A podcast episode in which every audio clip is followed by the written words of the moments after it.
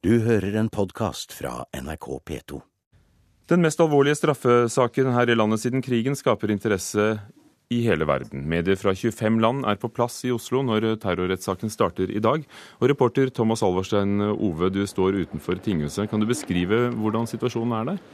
Ja, nå det er en slags, en slags blandingsstemning av, av alvor og, og, spenning som ligger i luften der nede. Det er sjelden å se så mye folk samlet på ett sted, og samtidig at det er så rolig som det er her eh, i dag.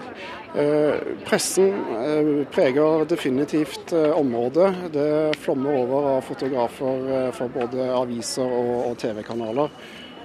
Både NRK og TV 2 er i full gang med sine sendinger på sine TV-kanaler. Det samme er VG Nett og Sveriges Televisjon, som vi har hørt tidligere i Nyhetsmorgen, har også hatt sin morgennyhetssending fra, fra Oslo i dag. Er de, er de, i gang med intervjuer og rapportering allerede? Ja? Vi har sett AUF-leder Eskil Pedersen ankomme, og dermed hang jo pressefotografene som klegger på han inntil han kom seg inn dørene.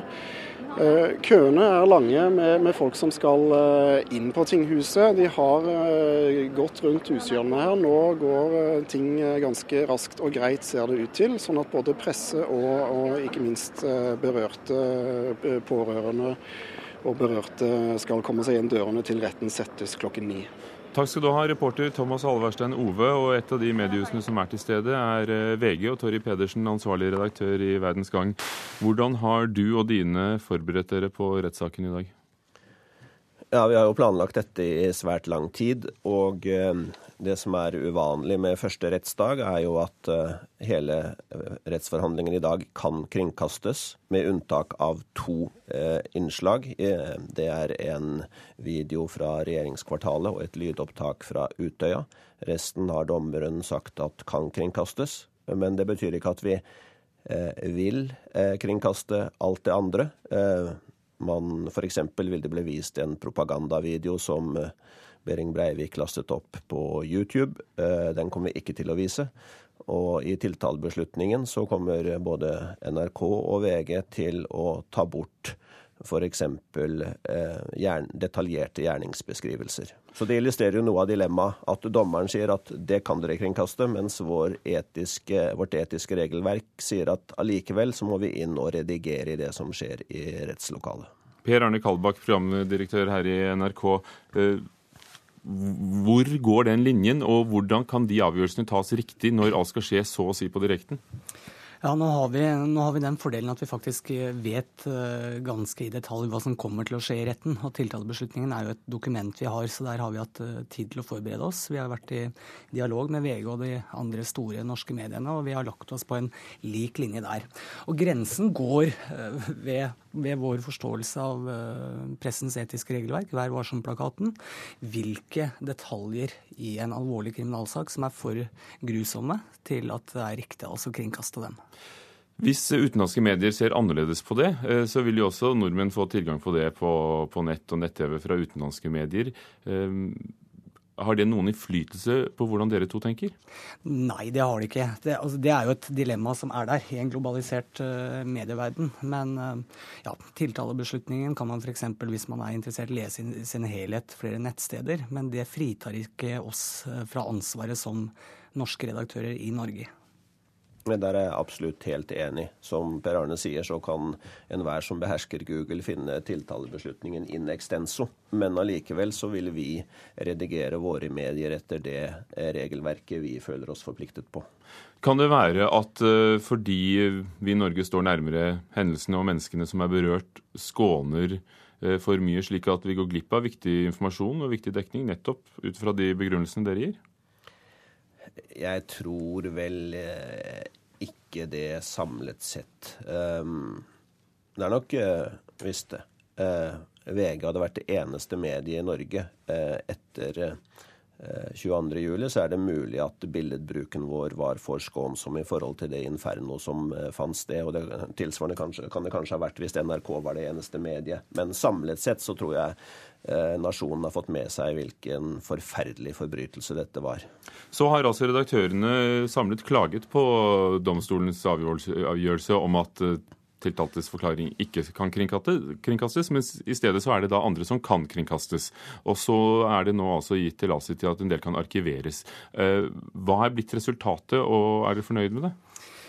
Ja, Foreløpig så er jo resultatet da slik at f.eks. en tiltaltes uh, forklaring ikke kan kringkastes. Dette har vi jo anket uh, helt opp til Høyesterett, og det er nå klart at uh, opptakene, altså av selve, selve TV-opptakene av Behring Breiviks forklaring, de blir nå lagt i Riksarkivet, og det snakkes om en klausulering, såkalt at man da ikke kan få tilgang til dette fra offentlighetssiden side før om 60 år. Og da sitter ingen av oss her lenger? Da sitter nok ingen av oss her lenger. Og vi, eh, uten at vi har drøfta det i Presseforbundet, eh, som jo er den eh, organisasjonen som håndterer dette, Presseforbundet og Redaktørforeningen på vegne av norske medier, så er nok min holdning at jeg ønsker nok et annet utvalg der. Ja, så Pressen har jo argumentert for at Behring Breiviks forklaring burde være tillatt å kringkaste, nettopp ut fra at uh, kjernespørsmålet her er uh, hans tilregnelighet, utilregnelighet. Men uh, det er jo på den annen side ikke vanskelig å forstå hvilke dilemmaer denne saken reiser. Mellom klokken 9 og 16, og kanskje lenger også, utgår alle vanlige programmer i eh, NRK P2. Eh, Dagsrevyen flyttes til et studio utenfor eh, Oslo tinghus. Per Arne Kalbakk, hvilke tanker gjør det deg om mengden og hvor mye plass rettssaken får? Den uh, tenker jeg mye på. Og det er klart at uh, mengden dette blir, omfanget av, av, grusomhetene som ble begått 22.07, og at dette skal brettes ut i, ti uker, det er klart at det er voldsomt. Og så blir det en avveining som handler om at vi må være til stede og dekke, dekke den rettssaken som tross alt også er et historisk oppgjør med, med gjerningsmannen i norgeshistoriens verste kriminalsak. Samtidig så vil dette bli mye hvis vi skulle sende, vi, vi, og vi kommer ikke til å ha det samme. Vi kommer ikke til å ha den samme intensiteten hver dag gjennom de ti ukene rettssaken varer.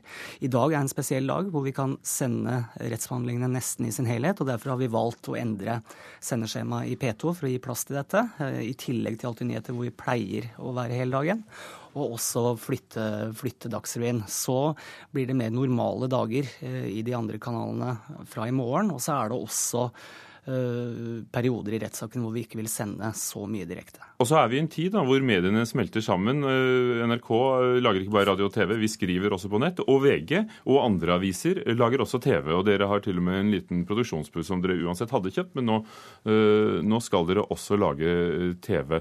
Blir det en ny type rapportering? Ja, i hvert fall for VG som kom eh, fra papirverdenen, så vil vi jo nå ha, i, løp, i, for, i dag f.eks. ha TV-sendinger fra nå og fram til ettermiddagen. Og vi vil ha TV-sendinger hver eneste dag, eh, i hvert fall den første uken. Uh, og det er klart at internett gjør at vi møter NRK på en konkurranseflate som vi ikke gjorde tidligere. Er det ikke en litt kinkig sak at dette også blir en sak hvor det er en konkurranse om å være best mellom mediene, når det er så følsomt stoff? Ja, men Jeg tror ikke det, det, går på det. Det er bare det at hvert enkelt medium ønsker å eh, dekke saken så bredt og grundig som mulig. Og Det betyr at uansett hvor du beveger deg, så finner du en svært omfattende dekning. Og, og Der vil jeg plukke opp et sitat fra Dagens Næringsliv i dag, en kronikk som BI-professor Ole Gjems Onstad har skrevet, hvor han sier at vi gir en stormannsgal ondskap, den ytterste belønning, landets nye megakjendis. Ja, det er en, en spissformulering, naturligvis. Og så er det jo det er jo et dilemma at han har jo planlagt at denne rettssaken skulle bli det stedet hvor han forfektet sin ideologi. Eh, for hvis jeg skal velge en spissformulering her, så vil jeg si at han fortjener ikke den oppmerksomheten, men vi fortjener at rettsstaten Norge gjennomfører denne saken på en verdig måte, og at vi som medier rapporterer om denne saken på en verdig og riktig måte, og med det omfanget den fortjener. Og den fortjener et stort omfang, ikke minst pga. dette tilregnelighetsspørsmålet som nå er blitt så sentralt. Hva slags reaksjon skal Behring Breivik få? Og hvordan kan dere rapportere uten at han blir kjendis, men at de likevel får den plassen de fortjener? Ja, men altså, jeg skjønner ikke eh, Jems Onsdags uh, argumentasjon der. Altså, vi vet om Hitler, Mao og Stalin, og enhver stor forbryter i historien blir herostratisk berømt. Det er på en måte også en del av et, et humanistisk samfunn. Takk skal dere ha. Torry Pedersen, sjefredaktør i VG, og Per Arne Kalbakk, programdirektør her i NRK. Du hører en podkast fra NRK P2. Terrorrettssaken gir både juridiske og etiske dilemma for eh, mediene. Og Lars Arve Røsland, medieforsker ved Universitetet i Bergen. I en tid eh, hvor, eh, som vi akkurat hørte var redaktøren her, mediene smelter sammen. NRK lager TV, radio og tekst, og avisene lager TV. Hvordan tror du denne dekningen vil bli? Den blir iallfall eh, massiv, eh, veldig omfattende. Eh, og jeg tror at det byr på helt nye utfordringer når det gjelder nettet. Fordi at det er så mye her som ikke kan gjennomdrøftes på forhånd, fordi at det går mer eller mindre direkte ut. Hvilke, hvilke avgjørelser står de overfor da, i, det de skriver direkte fra rettssalen, tenker du? Hvor, hvor det kan gå feil? Nei, altså, Der jeg har størst tiltro til mediene, er det som gjelder omtalen av offer og ugjerningene. fordi at uh, Der tror jeg at en er veldig bevisst og har forberedt seg grundig på hva en vil dekke og ikke dekke. Uh, jeg tror faktisk den største utfordringen ligger i denne uka som uh, vi går inn i nå, med, med tiltaltes forklaring. der er en veldig uklar, og, og hvordan en skal, skal løse det. det er der tror jeg den største utfordringen ligger. Ragna Aarli, førsteamanuensis ved Det juridiske fakultet ved Universitetet i Bergen. Der får vi jo da ikke kringkaste tiltaltes eh, forklaring. Men eh, hvilke eh, prøvelser tror du det står overfor juridisk når man skal rapportere fra den? Når det gjelder forklaringen, så vil jo den gå ut på nett nokså direkte, må vi regne med. Og det som er interessant å se, i, i denne saken, det er hvordan eh, de sosiale mediene vil håndtere dette. Eh, det som kanskje vil være nytt med denne saken, er at de sosiale mediene blir viktigere enn de redaktørstyrte mediene. Fordi at det er nettbrukere. Det er den generasjonen som er eh, brukere av sosiale medier, som er rammet. Og det er kanskje der de vil søke sin informasjon og finne den. Men er du enig i at det er en god avgjørelse å ikke tillate å kringkaste Breiviks forklaring? Ja, eh, det er jeg enig i. Det ville gi han for stor eh, eh, kraft i forhold til TV-mediet har en spesiell uttrykkskraft. Og det å la han få komme til orde, det hadde gitt han brakt han nærmere det målet han ønsket å nå. Uh, Lars Herve Røsland, du skal forske på medienes dekning i forbindelse med denne rettssaken. Bl.a. Uh, forholdet mellom media og terrorisme. Hva er det du da vil se etter? Nei, altså Det gjelder eh, dette som nå skal skje, nemlig at terroristen skal uttale seg i, i, retten. Og hva for måte da mediene velger å dekke det på. Dette er jo en kjerneproblemstilling knytta til terrorisme og media langt tilbake, eh, som går på i hva grad skal en ta valg og, og eh, filtrere det som eh, terroristene står for, fordi at målet nærmest da er å, å, nå ut med et større og annet budskap enn det som ligger i terroren. Men som Ragnar Aarli sa akkurat, så har jo altså sosiale medier eh, blitt en ny arena. Og det er vel ikke utenkelig at også privatpersoner som følger rettssaken, kan rapportere på diverse nettsteder direkte fra rettssalen. Er du engstelig for at de vil ta helt andre avgjørelser enn redaktørene? Eh, ja, det er jeg. Eh, og det tror jeg de kommer til å gjøre. Eh, jeg tror at det er veldig viktig at de redaktørstyrte mediene nærmest står opp og viser at de er redaktørstyrte. At det er der de seriøse og grundige avgjørende blir tatt. Eh, slik at, at utslag i de sosiale mediene òg kan bli oppfatta som, eh, som mindre seriøse og mindre skikkelige. Eh, Ragnar Aarli, kan det også være at de sosiale mediene kanskje nettopp blir tatt mer på alvor enn de seriøse, fordi, fordi, de ikke har disse filtrene og etiske regelverkene som eh, redaktørene retter, retter seg etter? Om de blir tatt mer på alvor, det vet jeg ikke. Men det kan være de blir opplevd som mer ekte og mer treffende i forhold til den brukergruppen som her er rammet. Hvor langt bør vårt innsyn i denne saken gå? og Hvor viktig er det at befolkningen får innsyn i de forskjellige uh, delene av saken, og, ikke minst dette som uh, den tidligere Blitze Stein Lillevolden skrev om i, i, forrige uke, at det dras inn en mengde vitner som ikke er direkte involvert i saken? Uh, altså, nå syns jeg kanskje at man undervurderer litt betydningen av rettssaken uh, som et tross alt som egentlig et lukket univers der det er fem dommere som er satt til å dømme i denne saken. Sånn at vi har ingen folkedomstol der det er viktig at uh, folk det, det, er ikke, det, er ikke, vi som skal avgjøre om man er tilregnelig eller ikke. Det er de fem dommerne som er satt til å dømme. Mm.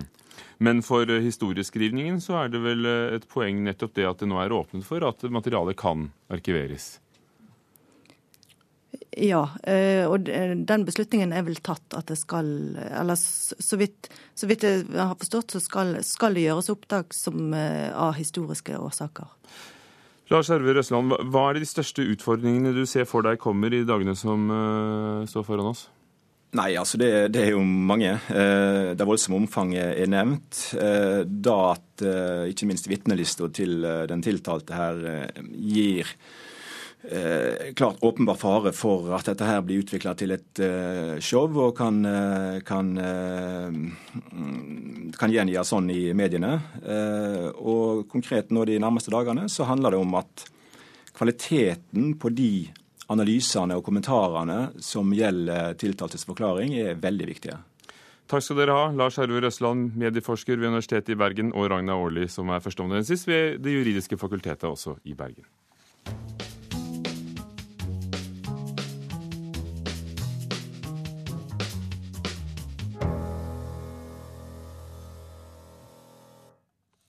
Selv om sola alltid eh, skinner er et portrett av 22.07 som er skrevet av Stian Bromark. Og Knut Aam, vår litteraturkritiker, du har lest den. Altså, Hva slags bok er det?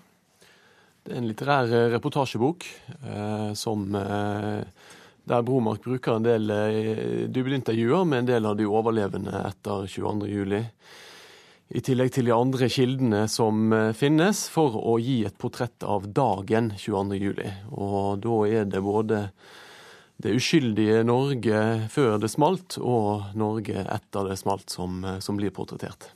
Hva er Bromax vei inn i dette stoffet, som jo er nettopp veldig kjent?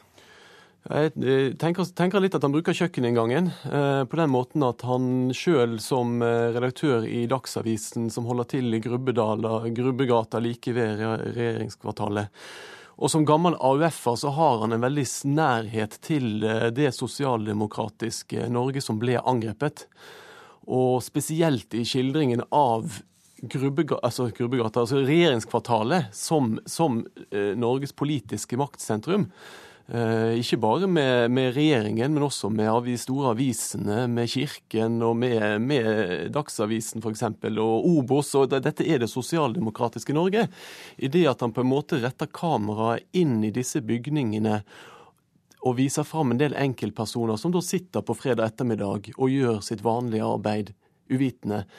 Så klarer han faktisk å portrettere hele Norge sånn som det var lite grann den dagen.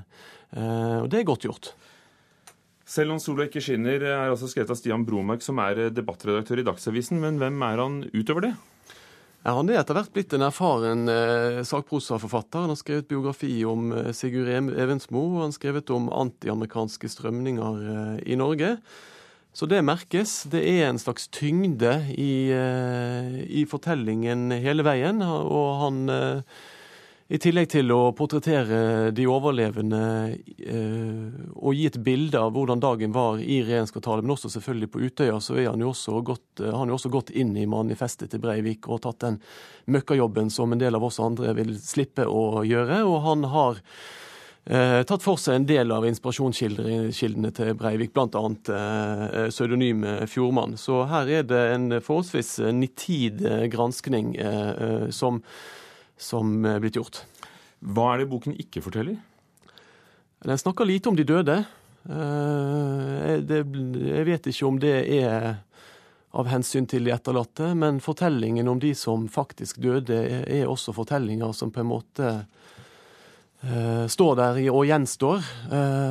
Og han snakker lite om beredskap. Det kommer et kapittel mot slutten, men her er jo boken preget av at redaksjonsslutt var i januar, og fortsatt, og det har skjedd ting siden da, og det vil skje mer ting etter hvert. Så vi må på en måte se på dette som et fastfrosset bilde som det var viktig å fryse fast. Eh, og så er det kanskje eh, Det er en fortelling som på en måte nå blir, blir eh, for selskapet nye fortellinger. Men som et enkeltstående fotografi av en dag, så er denne en meget god gjennomgang. Knut Hoem, takk for at du kom og snakket om Stian Bromaks 'Selv om sola ikke skinner'.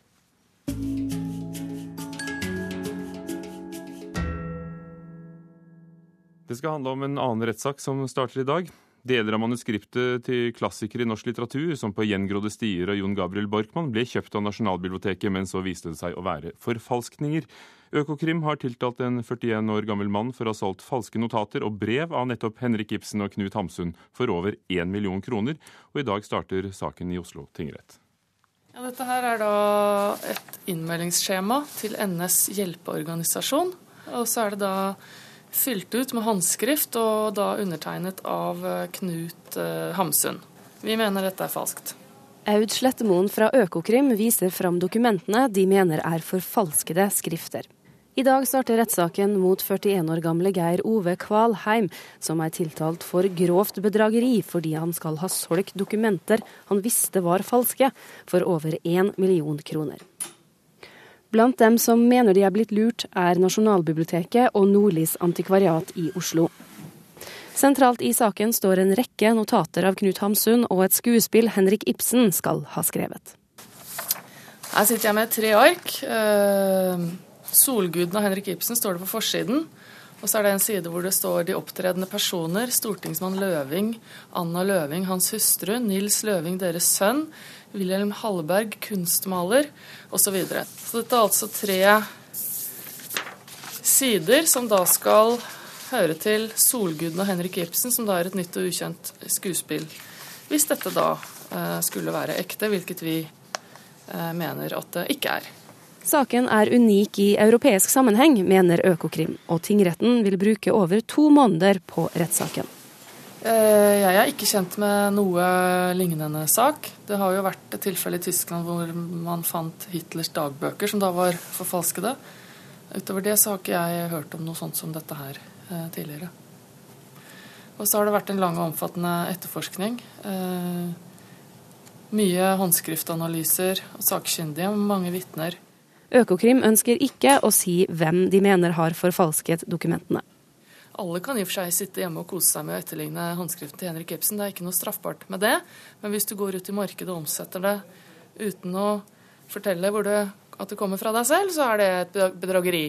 I denne saken så kommer det til å være mye bevisførsel omkring hvor disse objektene kommer fra. Men Kvalheim mener han ikke har gjort noe ulovlig, sier forsvarer i saken Thomas Berge fra advokatfirmaet Elden.